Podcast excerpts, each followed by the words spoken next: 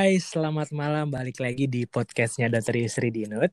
Seperti biasa, podcast ini selalu hadir di jam-jam uh, malam nih, karena emang seperti judulnya, kita akan pillow talk. Nah, uh, untuk kali ini, sesi kali ini, kita spesial banget. Saya spesial banget bakalan ngobrol sama senior saya.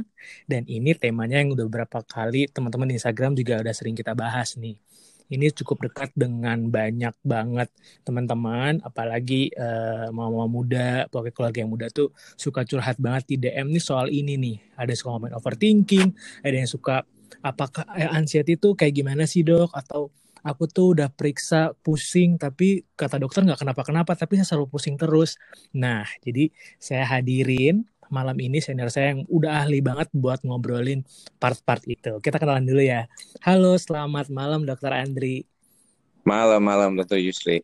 Iya dok, uh, teman-teman yang dengerin ini Dokter Andri uh, eh, SPKJ. Jadi malam ini kita fokus banget akan ngobrolin sesuatu yang berhubungan sama psikis nih. Dok, ini teman-teman yeah. ada banyak banget yang ngobrolin tentang psikosomatis, anxiety, banyak banget yang DM di Instagram selalu ditanya itu. Jadi ini hmm. Harus banget nih dibahas sama Dokter Andri nih. Hmm, hmm. Yang paling basic dok sebenarnya orang tuh bisa dikatakan uh, anxiety atau mungkin sampai psikosomatis tuh sebenarnya sejauh apa sih basicnya yang mesti teman-teman tahu? Oke, okay. sebenarnya orang bertanya biasanya masalah stres ya. Jadi banyak orang mengatakan kapan stres itu dikatakan tidak baik itu, yes. atau kita sebut distres gitu. Okay. Karena ansietas sendiri, cemas sendiri adalah suatu suasana perasaan di mana orang itu mengalami suatu ketakutan sebenarnya okay. yang tidak irasional. Karena biasanya kalau saya tanya sama mahasiswa saya apa bedanya cemas sama takut gitu. Okay. Nah, kalau cemas itu sebenarnya tidak ada pemicunya, sedangkan kalau takut itu ada pemicunya. Jadi okay. kalau kita bilang saya takut nih, takut dengan uh, ujian, itu takut sebenarnya. Jadi bukan cemas ujian, apalagi bilang aduh gue panik nih karena okay di ilmu kedokteran jiwa kita sebut panik itu adalah bagian dari gejala gitu. Oke. Okay. Jadi sebenarnya jadi sebenarnya cemas atau takut itu sebenarnya dua-duanya uh, ada dan boleh atau gimana dok? Ya, pada suatu keadaan tertentu kita memang butuh juga ada perasaan stres itu. Okay. Artinya kalau kita punya keadaan seperti kita menghadapi ujian atau okay. kita mau menghadapi situasi seperti kita mau nikah itu kan juga ada stresnya lah sepertinya. Betul, betul. Tapi kalau misalnya kita bisa handle stres itu dengan baik, kita hmm. bisa tangani, hmm. artinya itu masih di dalam proses yang normal. Okay. Nah, menjadi anxiety yang tadi dokter bilang itu kalau dia sudah tidak bisa menghadapinya lagi gitu dan timbullah perasaan-perasaan cemas yang sering kali ditemani atau diikuti oleh gejala-gejala fisik yang kita sebut psikosomatik tadi gitu. Oke, berarti takut dan cemas itu sebenarnya normal. Kalau agak berlebihan mungkin akan baru jatuhnya jadi sesuatu yang akan mengganggu gitu ya dok? Iya, jadi kalau misalnya cemas, takut itu sesuatu yang apa ya? Kalau kita bilang itu suatu suasana perasaan yang bisa terjadi pada semua manusia gitu. Hmm. Jadi dan kemudian, oke. Okay. jadi sebenarnya kalau kita bilang, eh nggak usah takut, nggak usah cemas itu sebenarnya boleh nggak sih dok? atau malah sebenarnya nggak apa-apa sebenarnya gitu biasanya dalam pergaulan sih kita berkata seperti itu ya. untuk meningkatkan atau memberikan motivasi kan. Betul, betul. Jadi kadang-kadang kalau misalnya dia, aduh, aku nggak berani deh. Oh jangan takut dong, kamu harus berani. Itu sih sebenarnya suatu hal yang wajar. Oke. Okay. Jadi kita mengetahui bahwa itu bisa kita atasi kan artinya. Oke. Okay. Uh, tadi kalau saya korek bakal lagi dok, berarti kalau untuk takut atau cemas takut tuh ada pemicunya gitu ya dok ya atau ada yang ya, terlihat realnya ya? yang benar tuh takut itu artinya ada pemicunya. Kalau cemas itu nggak ada pemicunya karena kita bisa loh merasakan tiba-tiba tuh ada perasaan cemas tanpa ada sebab atau pemicunya Oke, terus ada juga nih dok yang bilang suka gini tiba-tiba, aku tuh emang gampang panik, gampang cemas kayak di keluarga tuh juga gitu. Itu sebenarnya apakah akhirnya perasaan cemas yang gampang cemas itu bisa terjadi menjadi sebuah gen atau emang ini sebenarnya emang habit yang dia omongin aja gitu? Kalau kita melihat seperti itu, kita harus tanya dulu ke lebih jauh ke dia, ada sesuatunya atau penyebabnya apa enggak? Okay. Kalau ada penyebabnya atau sesuatunya, berarti sebenarnya dia itu takut, tapi kemudian jadi irasional.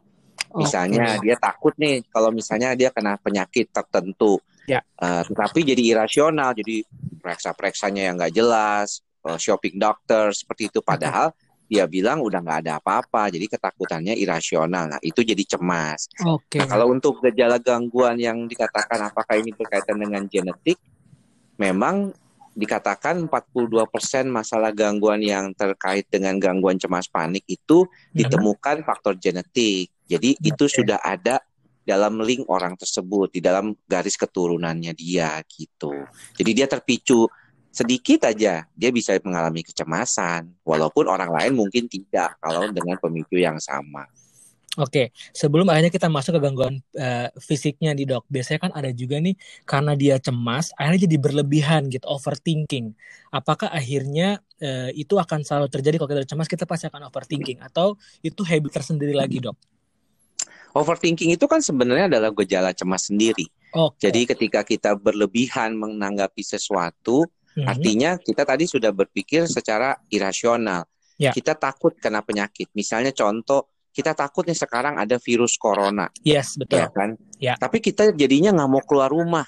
Okay. Ya kan? Sama okay. sekali menutup diri bahkan misalnya pakai baju yang seperti uh, waktu para petugas kesehatan menjemput uh, teman-teman dari Wuhan WNI. Ya. Nah, jadi hmm. pakai baju yang bubble begitu sampai ke mana-mana. Betul. Nah, itu berarti kan ke terlalu berlebihan. Yes. Kita cemas boleh, kita melindungi diri kita dengan uh, masker misalnya. Boleh, hmm. tidak masalah. Itu bukan berarti overthinking. Tapi kalau okay. kita sampai berlebihan, nah itu berarti overthinking gitu. Oke okay, oke. Okay. Terus dok, eh, kira-kira kalau untuk teman-teman yang akhirnya belum sih belum ada gangguan fisik, cuman emang akhirnya selalu overthinkingnya itu cepat sekali. Itu apa dok kira-kira yang paling gampang dan daily bisa mereka lakukan untuk jadi kebiasaan buruk dok? Iya, Sebenarnya saya selalu bilang bahwa kebiasaan berpikir negatif adalah sesuatu yang berkaitan dengan naturalnya manusia karena ingin bersiap-siap selalu. Jadi otak kita ini memang dirancang lebih dominan, lebih mudah menangkap hal yang negatif daripada hal yang positif. Okay. Nah, untuk itu kita perlu berlatih di balik bagaimana kita mencoba meningkatkan hal-hal yang banyak positif di dalam kehidupan kita, di dalam lingkungan kita hmm. dan mulailah dari melakukan hal-hal yang positif dulu okay. supaya proses thinkingnya tuh nanti proses berpikirnya itu akan lebih banyak yang positif juga gitu. Karena memang akhirnya itu semua harus dilatih ya dok, nggak bisa. Iya, nggak bakalan bisa instan. Apalagi kalau dia bilang, wah saya mah udah kebiasaan dari dulu pikirannya cemas. Ya nggak bisa begitu kali ngomongnya. Kalau begitu, ya udah kita latih. Cuman kalau diem aja ya nggak bakal bisa apa-apa, nggak bakal nunggu uh, wangsit itu tiba-tiba berubah jadi positif terus ya enggak eh, bentuk real latihannya ada nggak sih dok sebenarnya kalau di dunia uh, medis kalau di dalam dunia medis psikiatri kita kenal dengan istilah terapi kognitif ya oke okay. nah, terapi kognitif itu artinya biasanya kita mulai dengan mengenali dulu apa sih yang membuat kita cemas kemudian okay. kita lihat betulkah cemas itu benar-benar sesuatu yang mengancam kita atau membuat kita takut. Hmm. Nah, kalau tidak, maka hmm. kita berupaya untuk menyingkirkannya atau mendispute pikiran-pikiran tersebut dan menguatkan rasionalisasi terkait dengan pikiran tersebut. Jadi sebenarnya ada prosesnya dan itu memang tidak bisa berlangsung singkat. Minimal aja 8 sesi psikoterapi sekitar 40 sampai 1 jam, 40 menit sampai 1 jam kalau untuk uh, terapi kognitif. Oke, okay, gitu. oke. Okay. Dok, kalau ngomongin tadi terapi, kan kadang juga beberapa tuh teman-teman tuh kadang jadi agak nggak nyaman juga gitu ya kalau untuk melakukan suatu terapi gitu-gitu dok. Apakah hmm. sebenarnya uh, ada kategorinya kayak misal oh kalau udah separah ini udah wajib nih atau emang sebenarnya itu ya. pilihan ya. makin makin cepat diterapi sebenarnya makin baik gitu dok? Iya, kalau zaman sekarang sih lima tahun belakangan ini ketika hmm. kita berhadapan dengan masalah gangguan kejiwaan selalu kita kaitkan dengan functional recovery. Jadi oh, kalau orang itu sudah terganggu fungsinya sehari-hari, okay. misalnya dia seorang pelajar, dia sudah terganggu, dia seorang pekerja, dia sudah terganggu, maka kita perlu diterapi seperti itu. Dan okay. tujuan terapi juga nanti bukan hanya menghilangkan gejala, okay. tapi juga sampai harus bisa berfungsi kembali normal. Itu sebenarnya tujuan terapi. Jadi kalau ada yang udah mulai keganggu sampai nggak bisa kerja, nggak bisa sekolah, nggak bisa melakukan aktivitas rumah tangga seperti biasa, harus segera ke tempat yang benar, misalnya ke psikiater atau psikolog kayak gitu. Oke, yang paling kelihatan sebenarnya eh, dominasinya mungkin keluarnya insomnia kali ya, dok berpengaruh nggak sih? insomnia itu saya pernah tulis di dalam salah satu blog saya ya. merupakan salah satu pintu masuk dari gejala gangguan kejiwaan yang lain. Okay. Jadi biasanya kita mulai cemas, pikiran kita mulai agak keganggu tuh, mm-hmm. dan kemudian pola tidur kita biasanya mulai berubah. Oke. Okay. Gitu. Jadi okay. susah tidur biasanya. Oke, okay. itu berarti kita kalau ngomong insomnia doang tuh bisa jadi ke mana-mana sebenarnya basicnya yang paling kelihatan mungkin itu kali ya dok ya. Hampir lebih dari 35% masalah gangguan kejiwaan itu ada gejala insomnianya. Oh, Jadi selain gangguan medis yang bisa menyebabkan masalah insomnia, 35% lebih orang yang mengalami gangguan jiwa itu bergejala insomnia atau sulit tidur. Hmm, oke okay, oke okay, dok. Baik lagi sedikit hmm. nih dok, yang tadi overthinking lagi dan kecemasan dokter. Kalau hmm ada juga nih karena saya juga berapa menemukan akhirnya bilangnya enggak dok saya itu soalnya karena dulu trauma atau keadaan gue bilang yeah. sekarang suka ada kebiasaan tuh saya pernah mengalami ini akan yeah. begini biasanya jadi saya akhirnya semakin yeah. sekarang tuh makin uh, jadi jadi udah benteng aja gitu dok gimana ya nah yeah. itu itu itu itu apakah trauma sebegitu pengaruh juga dok iya kehidupan masa lampau yang kita ingat sampai sekarang terutama hal-hal yang buruk itu bisa kita anggap sebagai trauma. Okay. Tetapi bagaimana kita mau melepaskan atau tidaknya memang tergantung kita. Tetapi okay. memang betul ada beberapa kasus di mana trauma itu sangat berat dan berlangsung lama, yeah, yeah. sehingga orang itu kemudian menjadi sulit untuk melepaskan trauma tersebut atau ingatan tersebut. Okay. Maka daripada itu biasanya proses pada orang-orang yang mengalami pasca traumatik mm -hmm. itu juga prosesnya lama. Jadi kalau kita bicara tentang kalau dia dulu mengalami trauma itu sampai 10 tahun, ya. mungkin membalikannya bisa butuh 20 tahun. Oke, recovery-nya itu emang selalu lebih lama ya, Dok? Betul, pasti. Karena prosesnya seperti kayak mengulang kembali kan. Kita oh, mencoba mengingat, okay. kemudian melepaskannya pelan-pelan, kemudian menggantinya dengan hal yang positif gitu. Kalau bisa tukar otak sih kepengen orang. kan nggak bisa. Otaknya cuma satu ya dok, tinggal iya. dibenerin Dan dulu, juga nggak gitu. bisa misalnya mohon dilupakan yang bagian itu aja gitu. Ini nggak bisa. Bener. Akhirnya nggak bisa diedit gitu. Uh, apa namanya move on seorang tuh dari, dari sebuah, sebuah masalah tuh akan akan wajar banget kalau emang butuh proses gitu kan dok akhirnya.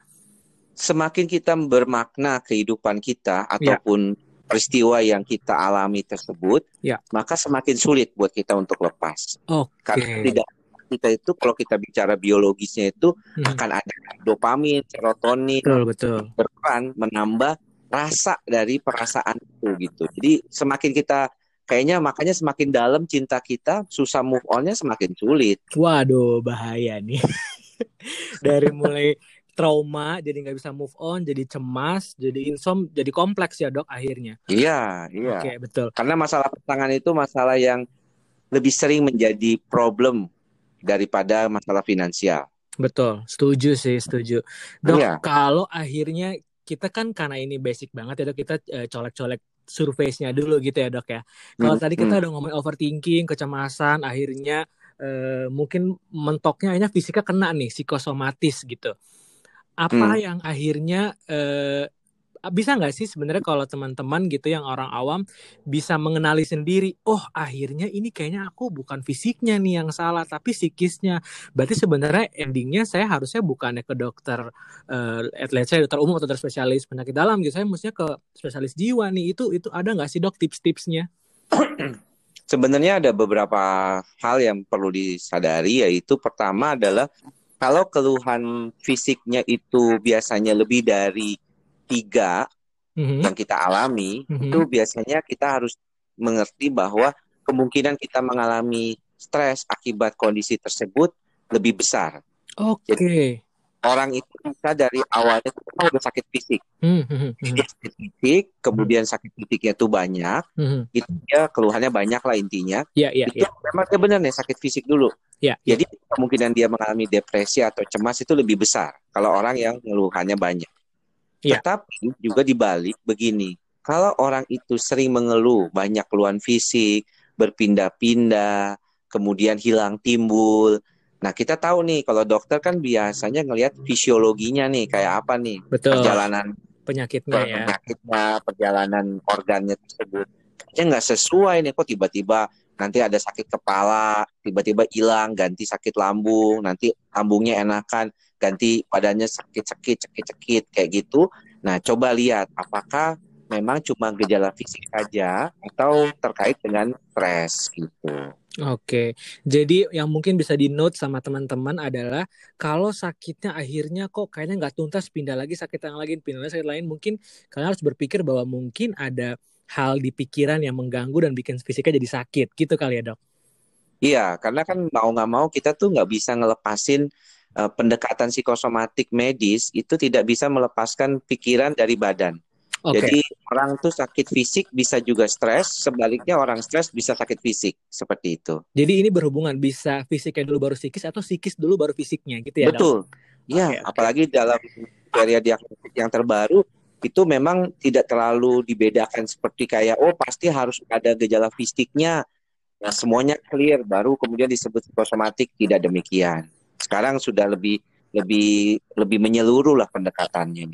Oke, semoga uh, cukup jelas nih beberapa teman-teman yang DM nih langsung dari ahlinya ya dok hari ini walaupun kayaknya masih sedikit-sedikit nih surface kita opening dulu kali ya dok ya. ya, ya uh, semoga nanti kita mungkin banyak kata puyeng. Bener dok. Semoga sih next podcast dokter Andri masih punya waktu untuk saya ganggu lagi dok. Kita mungkin bisa bahas kayak insomnia lebih detail atau mungkin ya, boleh nih kayak misal ngebahas gimana sih cara traumanya untuk bisa cepat hilang, apa proses-prosesnya gitu-gitu. Mungkin kita bisa bikin satu sesi lagi ya dok. Boleh. Kita boleh. lihat dulu nih teman-teman apakah sudah cukup puas atau malah request terus-terus nih dok. Iya, iya. Oke, eh, semoga penjelasan dari dokter Andri tadi eh, cukup bisa mewakili yang penasaran dari kemarin udah DM. Nanti kita akan ketemu di podcast-podcast selanjutnya. Kita akan bahas lagi tema-tema yang lebih seru, lebih detail lagi. Jadi pantengin terus Pilotalk sama Dokter Yusri Dinut ya teman-teman. Terima kasih, terima kasih juga Dokter Andri udah gabung sama saya di podcast ini. Selamat istirahat, semoga sehat dan senang terus ya dok. Ya, thank you juga Dokter Yusri sudah mengundang saya di sini. Siap. Selamat malam dok. Selamat malam, thank you.